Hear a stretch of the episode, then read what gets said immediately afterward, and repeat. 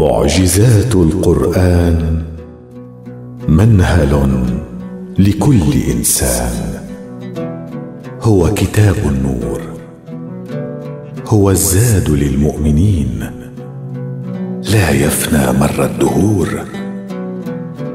هو حصن قلاع الدين. وحي مذكور. كتاب الله به يهتدي كل عقل فهيم ويستنير كل قلب في سكينة الإيمان يقيم. هو القرآن الكريم المعجز بالجملة بالكلمة بالحرف.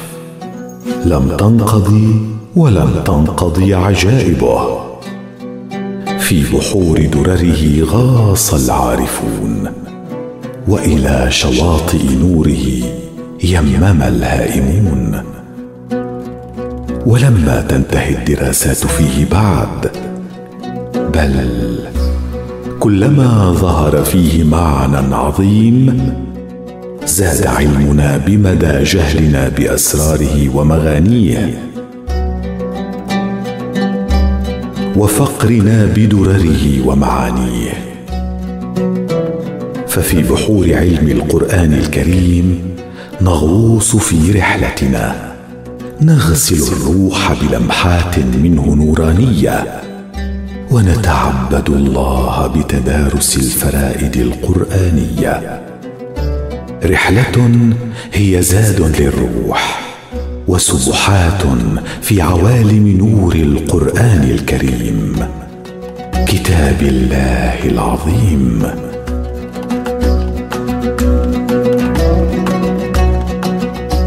فريدة من القرآن ونصوع البلاغة والبيان. هي الكلمة هي المعجزة التي زود الله بها خير أنبيائه. وأحبهم إليه. كان خليله فأعطاه دليله. الكلمة وأي كلمة؟ إن هي إلا كلمات الله أوحى بها إلى رسوله الكريم محمد صلى الله عليه وآله وصحبه وسلم. فأضاء الدنيا بالكلمة. واستنقذ القلوب من الظلمات إلى النور بالكلمة. وغسل الأرواح في عوالم من عطر الإيمان المبخور بالكلمة. في الكلمة هامت أرواح ونفوس ونذرت قرائح عظيمة. نالت عظمتها ببركة جهادها في حرم خدمة الكلمة التي أنزلها الله تعالى في سماه على عبده محمد رسول الله. فألفت كتب عظيمة تتناول الكلمة وورودها في القرآن الكريم. ومعناها في سياق الايه العظيم وبلاغتها ومرادها في السياق القرآني. وذابت قرائح العلماء تستغيث المعنى من الرسم المصور وتستنجد بالله أن يقدر لها الفهم المقدر. فكيف نزلت الكلمة؟ فيما تكررت ها هنا وفيما ها هنا تفردت. إذ وردت بعض الكلمات في القرآن الكريم متفردة بالظهور مرة واحدة والفريدة في معناها العميق المنقطعة عن القرين أي التي لا مثيل لها ولا وزين ولا شبيه. وليس تفرد هذه الكلمات في القرآن الكريم إلا لغاية عظيمة ومؤدى كريم. وفي هذا البحر من بحور القرآن الكريم نحاول أن نغوص في هذا المقام لنتلمس بعض جوانب الإعجاز في الفريدة القرآنية. قال الله عز وجل في كتابه العزيز في سورة هود. بسم الله الرحمن الرحيم. فلما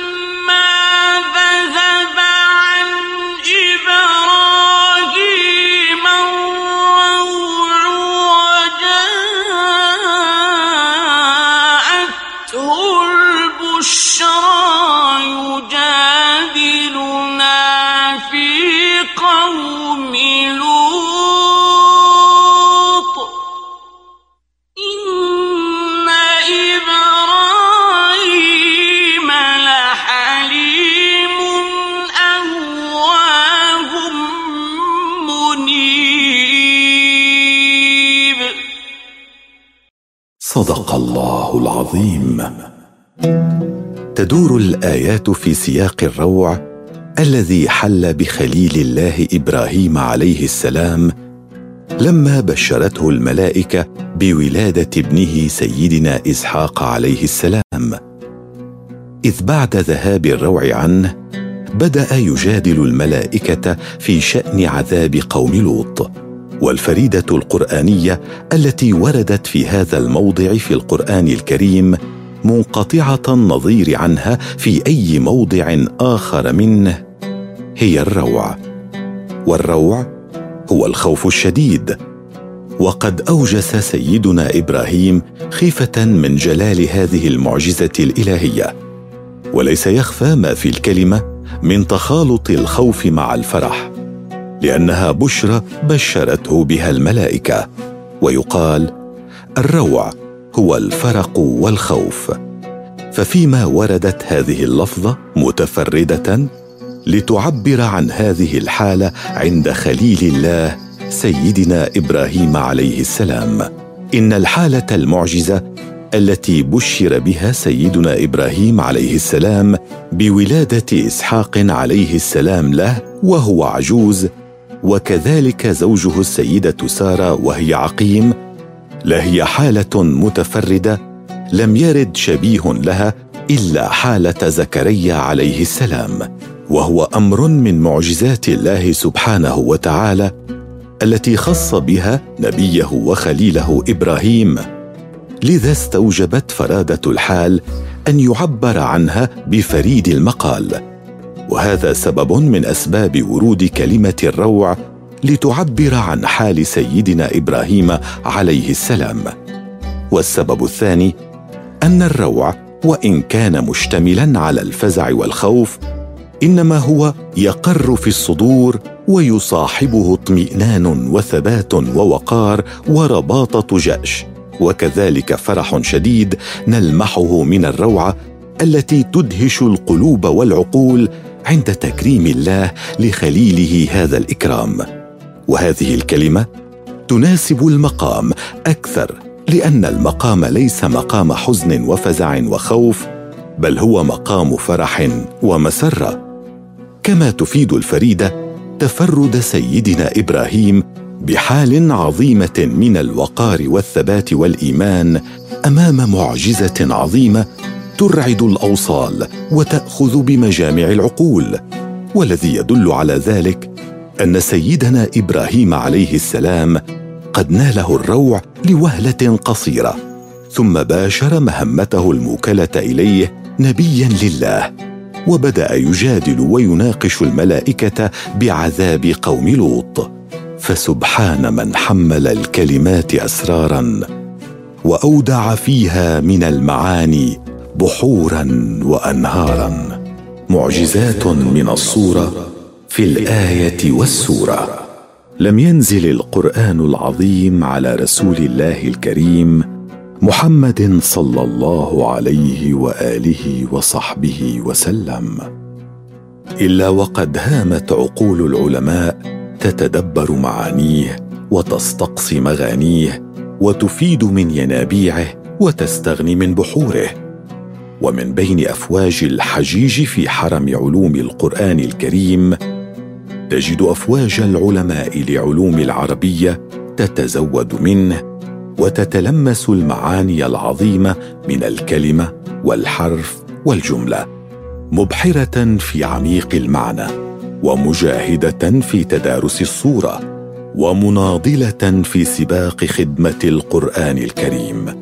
فدرسوا الصورة في القرآن الكريم حتى لكأنهم وقفوا أمام علم جديد أذهلهم بسبكه وإبداعه. وهيم أفئدتهم وأرواحهم في عوالم عظمته. ومن الصور نستعرض ما ورد في قوله تعالى في سورة محمد. بسم الله الرحمن الرحيم. ويقول الذين آمنوا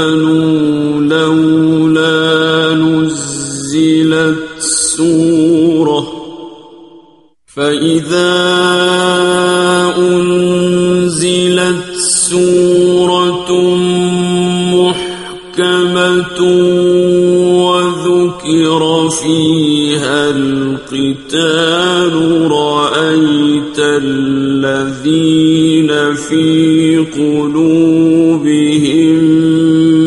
مرض. رأيت الذين في قلوبهم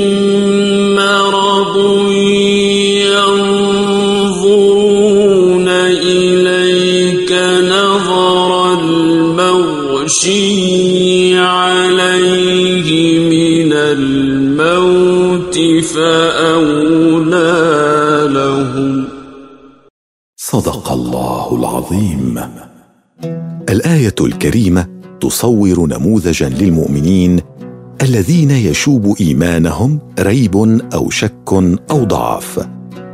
تغوص في الأعماق النفسية لهذه الأنموذجات من الناس. وانظر إلى هذا الاستعراض الدقيق والواسع المدى.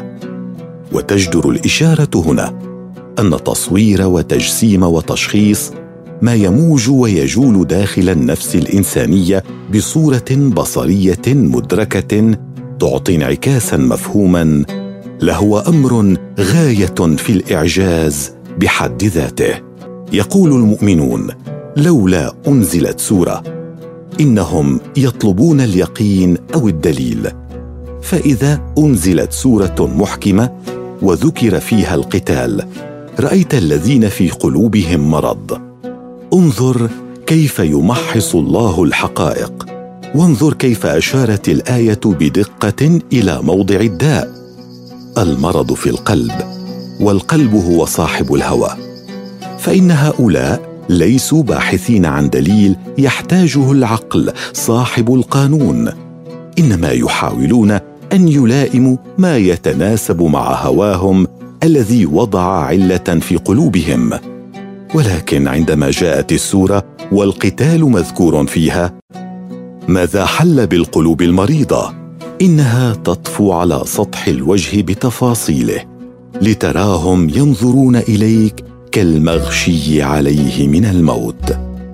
تابع دقة الصورة تابع كيف تحدد لك ملامح النفس الإنسانية؟ وها هنا يمكنك أن تدعم العلم بالقرآن.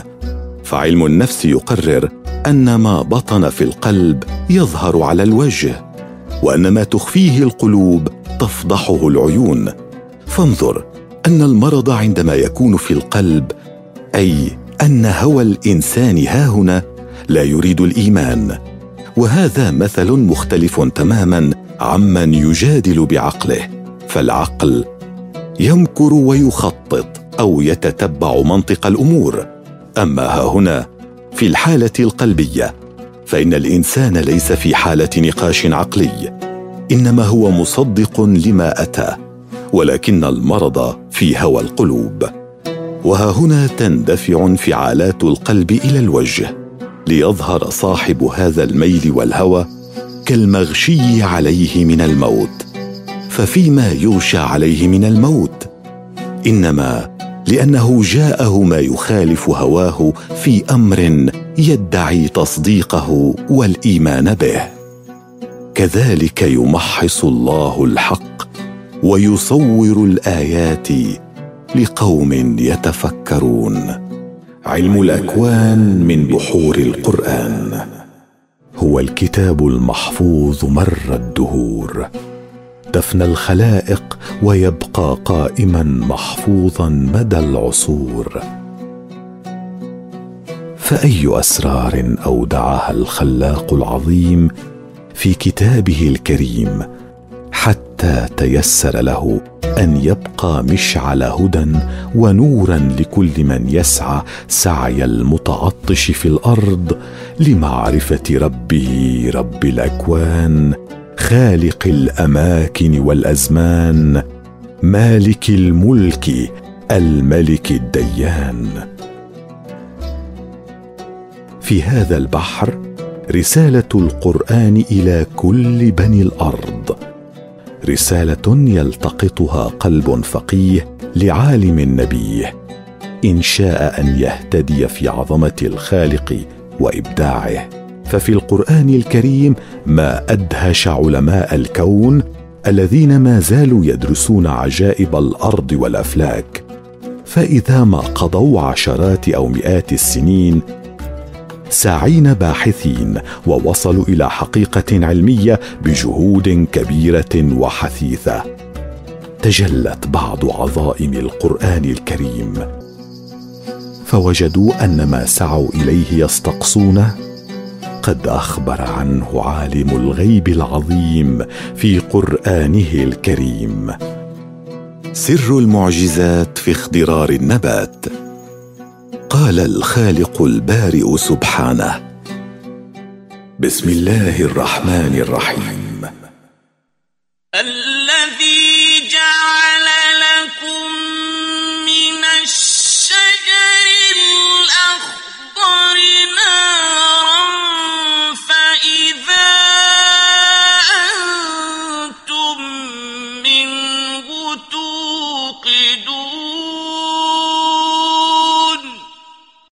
صدق الله العظيم.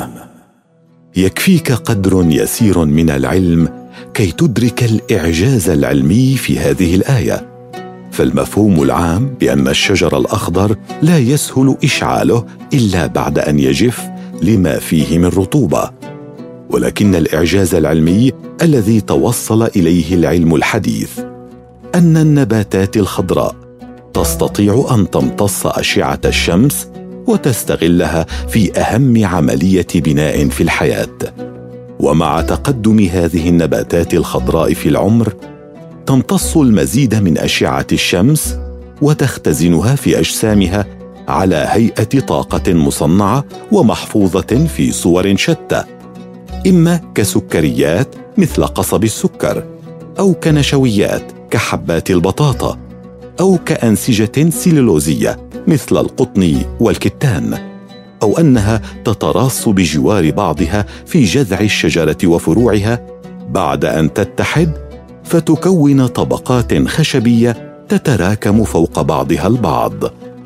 ثم إذا احتاج الإنسان إليها في الطهو أو الصناعة أو غير ذلك أشعل بعض هذه الفروع من النباتات أو الأشجار الخضراء فتنطلق منها الطاقة الكامنة التي امتصتها سابقا من أشعة الشمس.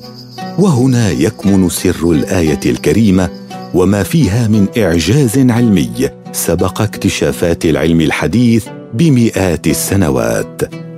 أفلا تبصرون؟ معارج الروح. إن الله أنار الكون بالكلمة ومن علينا بالكلمة. وأنعم علينا بالكلمة. فنزل الوحي العظيم على رسول الله وحبيبه الكريم. محمد صلى الله عليه وآله وصحبه وسلم.